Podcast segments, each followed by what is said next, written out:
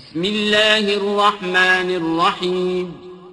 شروع اللہ کے نام سے جو بڑا مہربان نہایت رحم والا ہے۔ الف لام را۔ تلك آیات الكتاب وقرآن مبین۔ الف لام را۔ یہ اللہ کی کتاب اور قرآن روشن کی آیتیں ہیں۔ ربما يود الذين كفروا لو كانوا مسلمين۔ کسی وقت کافر لوگ آرزو کریں گے کہ اے کاش وہ مسلمان ہوتے۔ ذرهم يأكلوا ويتمتعوا ويلههم الأمل فسوف يعلمون۔ اے محمد صلی اللہ علیہ وآلہ وسلم ان کو ان کے حال پر رہنے دو کہ کھا لیں اور فائدے اٹھا لیں۔ اور طول عمل ان کو دنیا میں مشغول کیے رہے ان قریب ان کو اس کا انجام معلوم ہو جائے گا۔ وما أهلكنا من قرية إلا ولها كتاب معلوم۔ اور ہم نے کوئی بستی ہلاک نہیں کی مگر اس کا وقت مرقوم و معین تھا۔ ما تسبق من أمة أجلها وما يستأخرون۔ کوئی جماعت اپنی مدت وفات سے نہ آگے نکل سکتی ہے نہ پیچھے رہ سکتی ہے۔ وقالوا يا أيها الذي نزل عليه الذكر إنك لمجنون۔ اور کفار کہتے ہیں کہ اے شخص جس پر نصیحت کی کتاب نازل ہوئی ہے تو تو دیوانہ ہے۔ لو ما تأتينا بالملائكة إن كنت من الصادقين۔ اگر تو سچا ہے تو ہمارے پاس فرشتوں کو کیوں نہیں لے آتا؟ ما ننزل الملائكة إلا بالحق وما كانوا إذا منظرين کہہ دو ہم فرشتوں کو نازل نہیں کیا کرتے مگر حق کے ساتھ اور اس وقت ان کو مہلت نہیں ملتی۔ إنا نحن نزلنا الذكر وإنا له لحافظون۔ بے شک یہ کتاب نصیحت ہم ہی نے اتاری ہے اور ہم ہی اس کے نگہبان ہیں۔ ولقد أرسلنا من قبلك في شيع الأولين۔ اور ہم نے تم سے پہلے لوگوں میں بھی پیغمبر بھیجے تھے۔ وما يأتيهم من رسول إلا كانوا به يستهزئون۔ اور ان کے پاس کوئی پیغمبر نہیں آتا تھا مگر وہ اس کے ساتھ استہزا کرتے تھے۔ كذلك نسلكه في قلوب المجرمين. اسی طرح ہم اس تقزیب و زلال کو گناہ گاروں کے دلوں میں داخل کر دیتے ہیں۔ لا يؤمنون به وقد خلت سنة الأولين.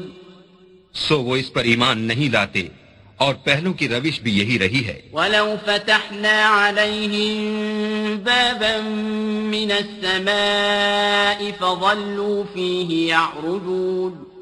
اور اگر ہم آسمان کا کوئی دروازہ ان پر کھول دیں اور وہ اس میں چڑھنے بھی لگیں۔ لقالوا إنما سكرت أبصارنا بل نحن قوم مسحورون۔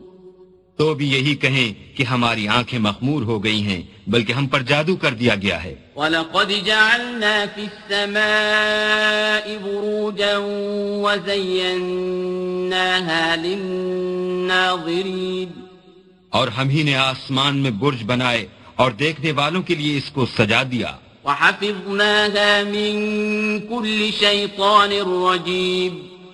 اور ہر شیطان راندہ درگاہ سے اسے محفوظ کر دیا۔ إلا من استرق السمع فأتبعه شهاب مبين۔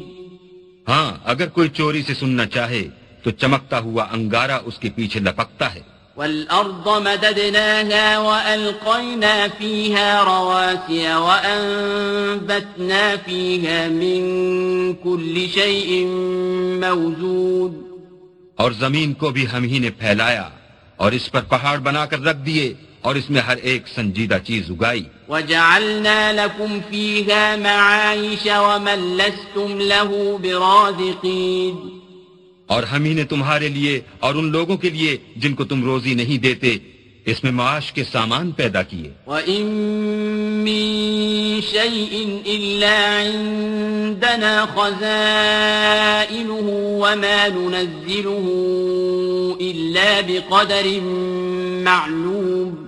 اور ہمارے ہاں ہر چیز کے خزانے ہیں اور ہم ان کو بمقدار مناسب اتارتے رہتے ہیں۔ وأرسلنا الرياح لواقح فأنزلنا من السماء ماء فأسقيناكموه وما أنتم له بخازنين اور ہم ہی ہوائیں چلاتے ہیں جو بادلوں کے پانی سے بھری ہوئی ہوتی ہیں اور ہم ہی آسمان سے مہ برساتے ہیں اور ہم ہی تم کو اس کا پانی پلاتے ہیں اور تم تو اس کا خزانہ نہیں رکھتے وإنا لنحن نحيي ونميت ونحن الوارثون. اور ہم ہی حیات بخشتے اور ہم ہی موت دیتے ہیں اور ہم ہی سب کے وارث مالک ہیں۔ ولقد علمنا المستقدمين منكم ولقد علمنا المستأخرين. اور جو لوگ تم میں پہلے گزر چکے ہیں ہم کو معلوم ہیں اور جو پیچھے آنے والے ہیں وہ بھی ہم کو معلوم ہیں۔ وَإِنَّ رَبَّكَ هُوَ يَحْشُرُهُمْ إِنَّهُ حَكِيمٌ عَلِيمٌ۔ اور تمہارا پروردگار قیامت کے دن ان سب کو جمع کرے گا۔ وہ بڑا دانا اور خبردار ہے۔ وَلَقَدْ خَلَقْنَا الْإِنسَانَ مِنْ صَلْصَالٍ مِنْ حَمَئٍ مَسْنُودٍ اور ہم نے انسان کو کھن کھناتے سڑے ہوئے گارے سے پیدا کیا ہے۔ والجان خلقناه من قبل من نار السموم۔ اور جنوں کو اس سے بھی پہلے بے دھوئیں کی آگ سے پیدا کیا تھا۔ وَإِذْ قَالَ رَبُّكَ لِلْمَلَائِكَةِ إِنِّي خَالِقٌ بَشَرًا مِنْ صَلْصَالٍ مِنْ حمأ مَسْنُودٍ اور جب تمہارے پروردگار نے فرشتوں سے فرمایا کہ میں کھنکھناتے سڑے ہوئے گارے سے ایک بشر بنانے والا ہوں۔ فَإِذَا سَوَّيْتُهُ وَنَفَخْتُ فِيهِ مِنْ رُوحِي فَقَعُوا لَهُ سَاجِدِينَ جب اس کو صورت انسانیہ میں درست کر لوں اور اس میں اپنی بے بہا چیز یعنی روح پھونک دوں تو اس کے آگے سجدے میں گر پڑنا۔ فسجد كلهم تو فرشتے تو سب کے سب سجدے میں گر پڑے۔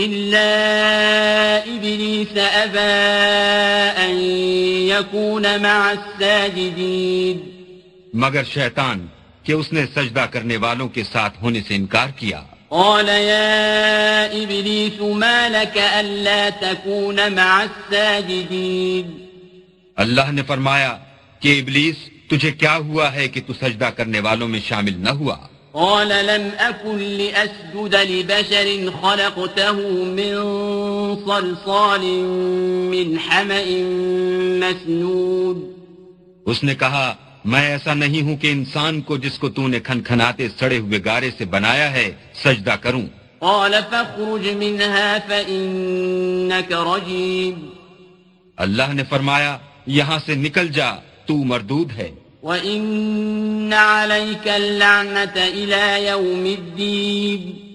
اور تجھ پر قیامت کے دن تک لانت برسے گی۔ قال رب الى يوم يبعثون اس نے کہا کہ پروردگار مجھے اس دن تک مہلت دے جب لوگ مرنے کے بعد زندہ کیے جائیں گے۔ قال فإنك من المنظرين فرمایا کہ تجھے مہلت دی جاتی ہے۔ الى يوم الوقت المعلوم۔ وقت مقرر یعنی قیامت کے دن تک۔ قال رب بما أغويتني لأزينن لهم في الأرض ولأغوينهم أجمعين۔ اس نے کہا کہ پروردگار جیسا تو نے مجھے رستے سے الگ کیا ہے میں بھی زمین میں لوگوں کے لیے گناہوں کو آراستہ کر دکھاؤں گا اور سب کو بہکاؤں گا۔ إلا عبادك منهم المخلصين۔ ہاں ان میں جو تیرے مخلص بندے ہیں ان پر قابو چلنا مشکل ہے۔ قال هذا صراط علي مستقيم۔ اللہ نے فرمایا کہ مجھ تک پہنچنے کا یہی سیدھا رستہ ہے۔ ان عبادي ليس لك عليهم سلطان الا من اتبعك من الغاوين جو میرے مخلص بندے ہیں ان پر تجھے کچھ قدرت نہیں کہ ان کو گناہ میں ڈال سکے۔ ہاں بدراہوں میں سے جو تیرے پیچھے چل پڑے۔ وَإِنَّ جَهَنَّمَ لَمَوْعِدُهُمْ أَجْمَعِينَ اور ان سب کے وعدے کی جگہ جہنم ہے۔ لها سبعة أبواب لكل باب منهم جزء مقسوم اس کے سات دروازے ہیں۔ ہر ایک دروازے کے لیے ان میں سے جماعتیں تقسیم کر دی گئی ہیں۔ إن المتقين في جنات وعيون جو متقی ہیں وہ باغوں اور چشموں میں ہوں گے۔ ادخلوها بسلام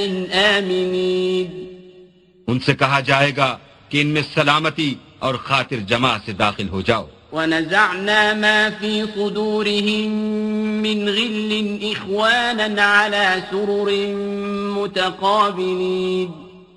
اور ان کے دلوں میں جو کدورت ہوگی ان کو ہم نکال کر صاف کر دیں گے۔ گویا بھائی بھائی تختوں پر ایک دوسرے کے سامنے بیٹھے ہوئے ہیں۔ لا يمسهم فيها نصب وما هم منها بمخرجين۔ نہ ان کو وہاں کوئی تکلیف پہنچے گی اور نہ وہ وہاں سے نکالے جائیں گے۔ نبئ عبادي أني أنا الغفور الرحيم اے پیغمبر میرے بندوں کو بتا دو کہ میں بڑا بخشنے والا اور مہربان ہوں۔ وأن عذابي هو العذاب الأليم۔ اور یہ کہ میرا عذاب بھی درد دینے والا عذاب ہے۔ ونبئهم عن ضيف إبراهيم۔ اور ان کو ابراہیم کے مہمانوں کا احوال سنا دو۔ إذ دخلوا عليه فقالوا سلاما قال إنا منكم وجنون جب وہ ابراہیم کے پاس آئے تو سلام کہا انہوں نے کہا کہ ہمیں تو تم سے ڈر لگتا ہے۔ قالوا لا توجل إنا نبشرك بغلام عليم مہمانوں نے کہا کہ ڈریے نہیں ہم آپ کو ایک دانش مند لڑکے کی خوشخبری دیتے ہیں۔ قال أبشرتموني على أن مسني الكبر فبم تبشرون؟ وہ بولے کہ جب مجھے بڑھاپے نے آ پکڑا تو تم خوشخبری دینے لگے اب کاہے کی خوشخبری دیتے ہو؟ قالوا بشرناك بالحق فلا تكن من القانطين.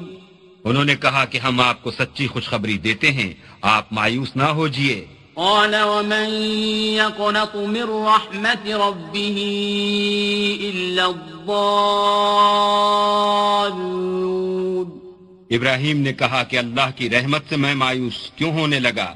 اس سے مایوس ہونا گمراہوں کا کام ہے۔ قال فما خطبكم أيها المرسلون؟ پھر کہنے لگے کہ فرشتو تمہیں اور کیا کام ہے؟ قالوا إنا أرسلنا إلى قوم مجرمين. انہوں نے کہا کہ ہم ایک گناہ گار قوم کی طرف بھیجے گئے ہیں کہ اس کو عذاب کریں۔ إلا آل لوط إنا لمنجوهم أجمعين. مگر لوت کے گھر والے کہ ان سب کو ہم بچا لیں گے۔ إلا امرأته قدرنا إنها لمن الغابرين۔ البتہ ان کی عورت کہ اس کے لیے ہم نے ٹھہرا دیا ہے کہ وہ پیچھے رہ جائے گی۔ فلما جاء آل لوط المرسلون۔ پھر جب فرشتے لوت کے گھر گئے قال إنكم قوم منكرون۔ تو لوت نے کہا تم تو ناشنا سے لوگ ہو۔ قالوا بل جئناك بما كانوا فيه يمترون۔ وہ بولے کہ نہیں بلکہ ہم آپ کے پاس وہ چیز لے کر آئے ہیں جس میں لوگ شک کرتے تھے۔ وأتيناك بالحق وإنا لصادقون۔ اور ہم آپ کے پاس یقینی بات لے کر آئے ہیں اور ہم سچ کہتے ہیں۔ فأسر بأهلك بقطع من الليل واتبع أدبارهم ولا يلتفت منكم أحد وامضوا حيث تؤمرون۔ تو آپ کچھ رات رہے سے اپنے گھر والوں کو لے نکلیں اور خود ان کے پیچھے چلیں اور آپ میں سے کوئی شخص پیچھے مڑ کر نہ دیکھے اور جہاں آپ کو حکم ہو وہاں چلے جائیے۔ وقضينا إليه ذلك الأمر أن دابر هؤلاء مقطوع مصبحين.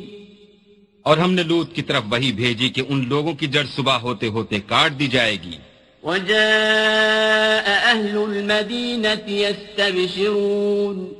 اور اہل شہر لوت کے پاس خوش خوش دوڑے آئے۔ قال إن هؤلاء ضيفي فلا تفضحون لوت نے کہا کہ یہ میرے مہمان ہیں کہیں ان کے بارے میں مجھے رسوا نہ کرنا۔ واتقوا الله ولا تخزون اور اللہ سے ڈرو اور میری بے آبروئی نہ کیجو۔ قالوا أولم ننهك عن العالمين وہ بولے کیا ہم نے تم کو سارے جہان کی حمایت و طرفداری سے منع نہیں کیا؟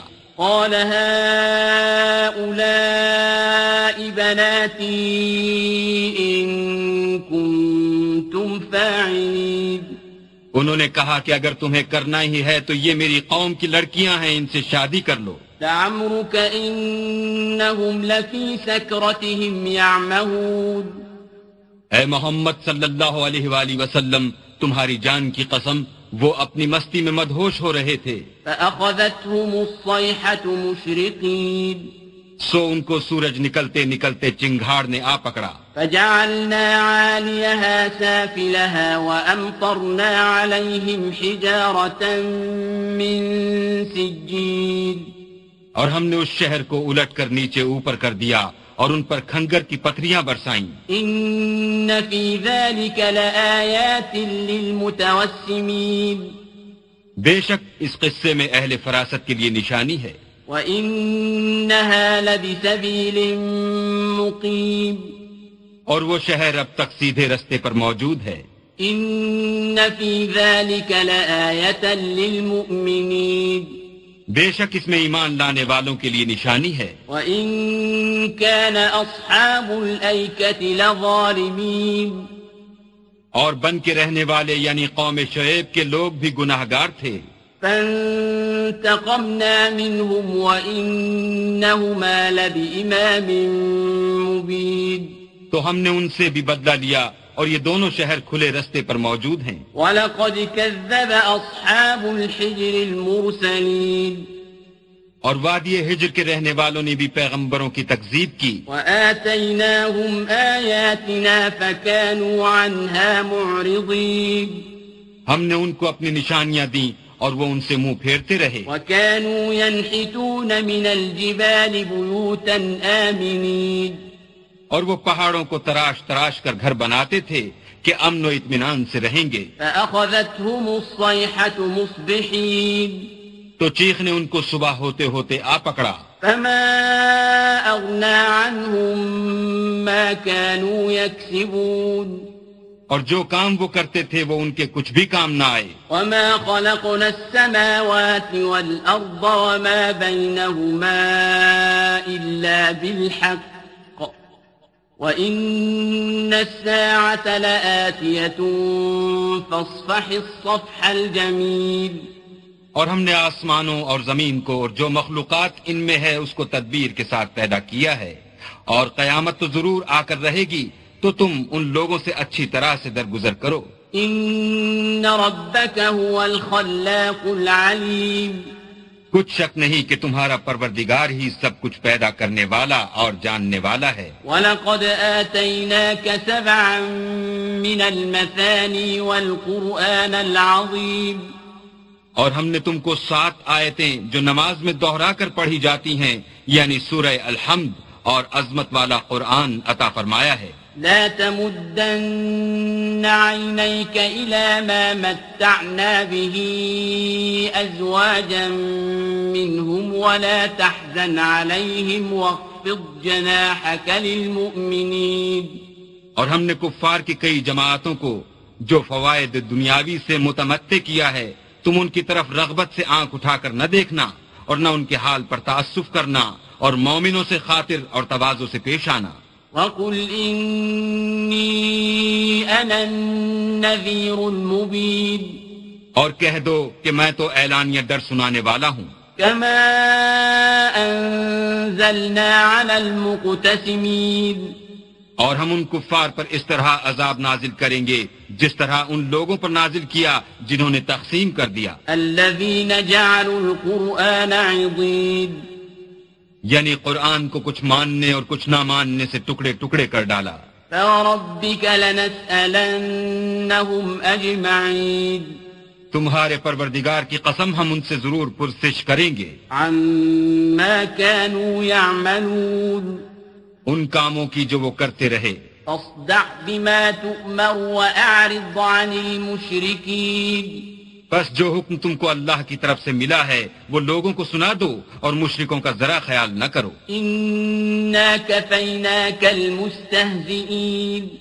ہم تمہیں ان لوگوں کے شر سے بچانے کے لیے جو تم سے استحضا کرتے ہیں کافی ہیں۔ الذين يجعلون مع الله إلها آخر فسوف يعلمون۔ جو اللہ کے ساتھ اور معبود قرار دیتے ہیں سو ان قریب ان کو ان باتوں کا انجام معلوم ہو جائے گا۔ وَلَقَدْ نَعْلَمُ أَنَّكَ يَضِيقُ صَدْرُكَ بِمَا يَقُولُونَ۔ اور ہم جانتے ہیں کہ ان کی باتوں سے تمہارا دل تنگ ہوتا ہے۔ فَسَبِّحْ بِحَمْدِ رَبِّكَ وَكُن مِّنَ السَّاجِدِينَ۔ تو تم اپنے پروردگار کی تسبیح کہتے اور اس کی خوبیاں بیان کرتے رہو۔ اور سجدہ کرنے والوں میں داخل رہو۔ وَاعْبُدْ رَبَّكَ حَتَّى يَأْتِيَكَ الْيَقِينَ اور اپنے پروردگار کی عبادت کیے جاؤ یہاں تک کہ تمہاری موت کا وقت آ جائے۔